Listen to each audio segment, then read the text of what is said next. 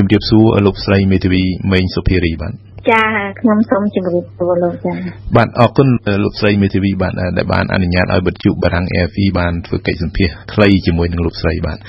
លោកស្រីសាវនាការសប្តាហ៍ទី4លើសំណុំរឿងសន្តិភាពរបស់លោកកឹមសុខា បានបញ្ចប់ហើយនៅព្រឹកមិញនេះបន្ទាប់ពីចំណាយពេលអស់រយៈពេល1ថ្ងៃកន្លះតាមរយៈសវនកម្មចុងក្រោយដែលបានបញ្ចប់នៅព្រឹកថ្ងៃប្រហោះនេះលោកស្រីមេធាវីមានការកត់សម្គាល់យ៉ាងណាខ្លះទៅបាទ ចាជាការកត់សម្គាល់ដែលខ្ញុំអាចជម្រាបជូនបាន គឺថាសវនាការតេតងបរិឆេទឆ្នាំ1993ដល់ឆ្នាំ2007ត្រូវបានបញ្ចប់ហើយពីឆ្នាំ2007ដល់ឆ្នាំ2012ក៏ត្រូវបានបញ្ចប់នៅព្រឹកមិញនេះដែរបាទហើយទី2អ្វីដែលខ្ញុំបានកត់សម្គាល់ព្រឹកមិញឃើញថា មានការជជែកគ្នាបន្តិចដែរតកតងទៅនឹងការដាក់ផុសតាងរបស់សហមេធាវីការពីក្តីរបស់ឯកឧត្តមគុំសុខាគឺផុសតាងហ្នឹងគឺសហមេធាវីបានដាក់បន្ថែមទៀតចំនួន16ឯកសារបន្ថែមទៀតប៉ុន្តែមិនមែនដាក់ព្រឹកមិញទេគឺដាក់កាលពីថ្ងៃអង្គារកន្លងទៅនឹងហើយសាលាការបានធ្វើការលើកយកវីដេអូដែលជាងខ្ញុំបានដាក់ទាំងមុនទាំងក្រោយមកប្រចាំងសរុបនៅក្នុងសវនាការការពិព្រឹកមិញបាទតើខ្លឹមសារនៃវីដេអូនោះយ៉ាងម៉េចដែរបាទលោកស្រីមេធាវីមេងសុភារីបាទនៅក្នុងខ្លឹមសារនៃវីដេអូនោះគឺបានបញ្ជាក់ ច្បាស់លាស់ហើយថាឯកឧត្តមកឹមសុខាគឺគាត់តែងតែធ្លាប់បានថ្លែងមិនមែនតែក្នុងពេលសវនាការកន្លងមកនេះទេគឺថាយើងមានផុសតាងជាវីដេអូដែលបង្ហាញថាអាដាមកំសខាធ្វើអ្វីៗគឺដោយអហិង្សាដោយសន្តិវិធីហើយការផ្លាស់ប្ដូរដែលគាត់ចង់ឃើញការផ្លាស់ប្ដូរនោះគឺការផ្លាស់ប្ដូរតាមរយៈការបោះឆ្នោតមិនមែនជាការផ្លាស់ប្ដូរតាមរយៈការធ្វើបដិវត្ត ពណ៌ឬអំពើហិង្សាណាមួយនោះទេហើយគណៈបកដែលគាត់បង្កើតកន្លងមកហ្នឹងគឺជាគណៈបកដែលស្របច្បាប់មិនមែនជាគណៈបកដែលបង្កើតឡើងខុសច្បាប់ឬមួយក៏ជាគណៈបកអត់ទៀមឬមួយក៏ជាគណៈបកប្រមូលកម្លាំងទ័ពអីនោះដែរអញ្ចឹងអ្វីទាំងអស់ហ្នឹងគឺមាននៅក្នុងវីដេអូហ្នឹងហើយតែវីដេអូទាំងអស់នោះមិនមែនជាវីដេអូថ្មីថ្មីនេះទេគឺតាំងពីការដែលគាត់ចាប់ផ្ដើមធ្វើការងារជា អង្គការសង្គមស៊ីវិលនៅមជ្ឈមណ្ឌលសិទ្ធិមនុស្សក៏គាត់និយាយបែបនេះធ្វើការងារនៅក្នុងគណៈបកសិទ្ធិមនុស្សក៏គាត់មានប្រសាសន៍បែបហ្នឹងដល់គណៈបកសង្គ្រោះជាតិទៀតគឺគាត់នៅតែប្រកាន់ជំហរនិងគោលការណ៍អហិង្សាឈ្មោះទៅរកការបោះឆ្នោតដោយសន្តិវិធីពីព្រោះពាក្យថាផ្លាស់ប្ដូរតាមរយៈការបោះឆ្នោត គឺជារឿងត្រឹមត្រូវដែលមានចែងនៅក្នុងរដ្ឋធម្មនុញ្ញរបស់យើងដែលថាអាណត្តិនាយករដ្ឋមន្ត្រីគឺមានរយៈពេល5ឆ្នាំដូច្នេះការដឹកនាំប្រទេសអាណត្តិនាយករដ្ឋមន្ត្រីគឺជាកម្មវត្ថុនៃការផ្លាស់ប្ដូរដែលធ្វើការផ្លាស់ប្ដូរស្របតាមរដ្ឋធម្មនុញ្ញមិនមានអីជាអង្គើខុសច្បាប់ឬក៏ជាអង្គើក្បត់ជាតិនោះឡើយបាទតើមានអ្វីផ្សេងទៀតដែលលោកស្រីមេធាវីមានការកត់សម្គាល់នោះបាទ ចំណុចទី3ដែលខ្ញុំបានកត់សម្គាល់ដែរគឺថាការដាក់ឯកសារនេះយើងឃើញមានអឺការតវ៉ាខ្លះខ្លះពី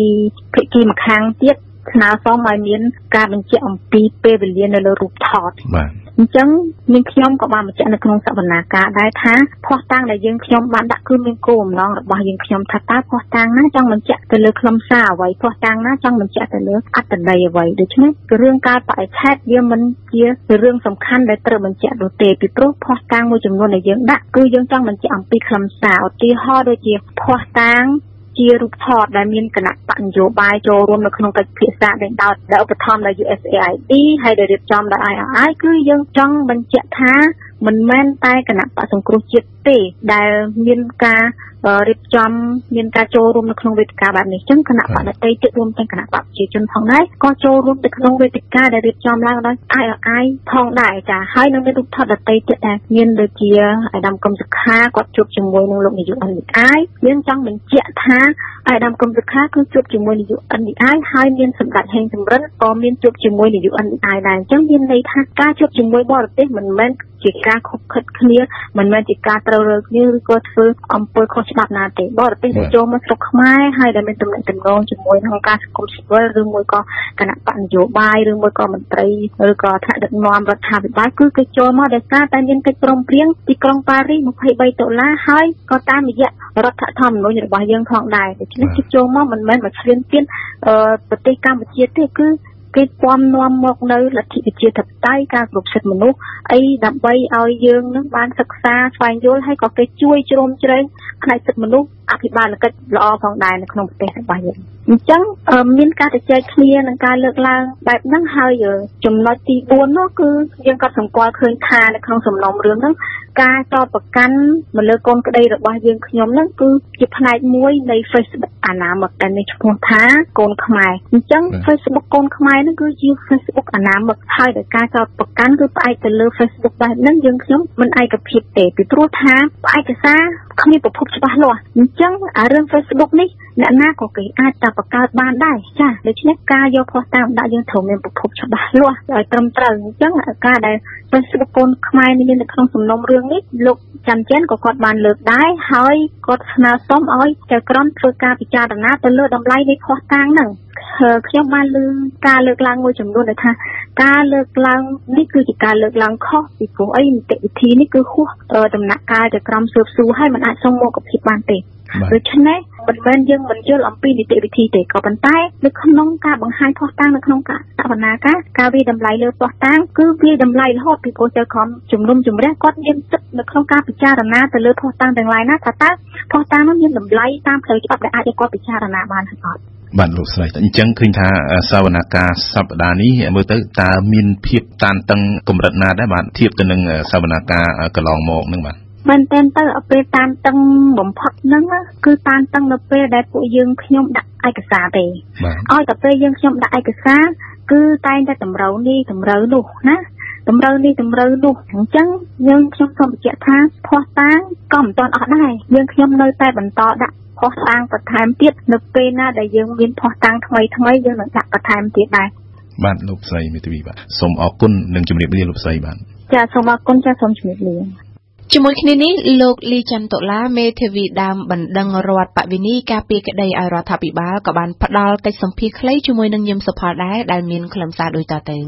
ជម្រាបសួរលោកមេធាវីលីចន្ទតុលាបាទបាទជម្រាបសួរបងលោកមេធាវីសវនកម្មសប្តាហ៍ទី4លើសំណុំរឿងសន្តិភាពរបស់លោកកឹមសុខាបានបញ្ចប់ហើយបន្ទាប់ពីចំណាយពេលអស់រយៈពេល1ថ្ងៃកន្លះ តាមរយៈសវនកម្មចុងក្រោយដែលបានបញ្ចប់នៅព្រឹកថ្ងៃពហុនេះតើមានចំណុចសំខាន់សំខាន់អ្វីខ្លះដែលលោកមេធាវីធ្វើការកត់សម្គាល់នោះបាទបាទនៅក្នុងរឿងនេះគឺបើយើងធ្វើការពិនិត្យដំណើរការនីតិវិធីនេះយើងឃើញថាតុលាការគាត់បានទៀងផ្ទាត់បាននៅអ្វីដែលបានកើតឡើងពិតប្រាកដស្របទៅតាមសម្ដីរបស់លោកកឹមសុខានិយាយ បាទបានន័យថាគាត់និយាយពីសកម្មភាពដែលគាត់ធ្វើតាំងពីឆ្នាំ1993មកហ្នឹងដល់ពេលការស៊ើបសួរស៊ើបអង្កេតដោយចក្រមស៊ើបសួរហ្នឹងគឺវាលេចចេញនៅអង្គហេតុនៅសកម្មភាពដែលស្របជាមួយនឹងអ្វីដែលគាត់ធ្វើនឹងពិតប្រាកដមែនហើយបើយើងមើលតាមអ្វីដែលអង្កេតមកនេះ ហើយនឹងដំណាក់កាលដែលចក្រមចំនួនជំរះគាត់បែងចែកឲ្យហ្នឹងគឺយើងបានបញ្ចប់អង្គហេតុពីឆ្នាំ1993ដល់ឆ្នាំ2012តាក់ទងជាមួយនឹងចុងក្រោយនេះគឺ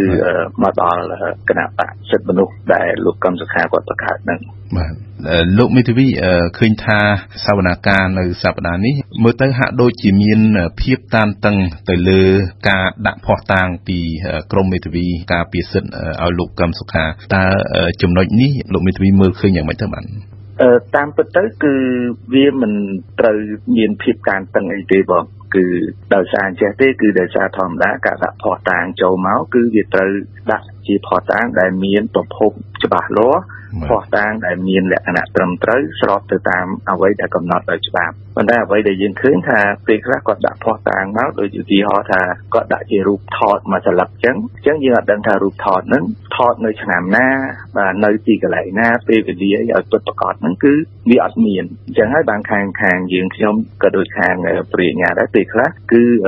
បានធ្វើការស្នើសុំថាឲ្យគាត់បញ្ជាក់ឲ្យបានច្បាស់មកបាទហើយផតាងខ្លះទៀតគាត់ដាក់មកគាត់ដាក់តែភាសាអង់គ្លេសទេអញ្ចឹងខាងយើងខ្ញុំទាមទារថាឲ្យស្របតាមអ្វីដែលកំណត់ក្នុងច្បាប់ហ្នឹងគឺត្រូវធ្វើការបកប្រែបាទប៉ុន្តែពេលខ្លះគាត់អត់ព្រមខាងមេធាវីការពិសិដ្ឋឲ្យជូនជាប់ចោតកម្មសខាហ្នឹងគឺគាត់អត់ព្រមហើយគាត់របៀបដូចថាគាត់នៅតវ៉ាមួយយើងអញ្ចឹងទៅវាធ្វើឲ្យវាមានការចម្រូងចម្រាសហើយចំណុចមួយទៀតដែរគឺ ពេលខ្លះគឺភ័ស្តុតាងមួយចំនួនហ្នឹងគឺជាភ័ស្តុតាងដែលមាននៅក្នុងសំណុំរឿងរួចហើយបាទប៉ុន្តែនៅពេលយើងទៅជជែកពិភាក្សាទៅគាត់ខាងមេធាវីការពារជនជាប់ចោតហ្នឹងបែរជាលើកឡើងថាផោះតានឹងអត់ត្រឹមត្រូវទេមានបញ្ហាចេះចោះប៉ុន្តែតាមពិតការតវ៉ាអំពីបញ្ហាទាំងអស់ហ្នឹងគឺពួកគាត់គួរតែធ្វើការពីនៅដំណាក់កាលជាក្រមស៊ើបសួរបាទប៉ុន្តែគាត់អត់ធ្វើនៅពេលហ្នឹងទេគឺគាត់បែរជាមកតវ៉ានៅដំណាក់កាលជំនុំជម្រះអញ្ចឹងអាហ្នឹងគឺវាខុសពីអ្វីដែលច្បាប់របស់កម្ពុជាយើងកំណត់ណាបងបាទលោកមេធាវីតកតងទៅនឹងការចោទប្រកាន់ចំពោះរូបថតឬក៏សកម្មភាពផ្សេងផ្សេងជួបជាមួយនឹងជនបរទេសរបស់លោកកឹមសុខាត្រូវបានតុលាការមើលឃើញថាជាការត្រូវរើជាមួយនឹងជនបរទេសហើយបញ្ហានេះជាការពិចារណាយកមកធ្វើជាការជជែកគ្នានៅក្នុងសវនាការជុំវិញបញ្ហានេះមេធាវី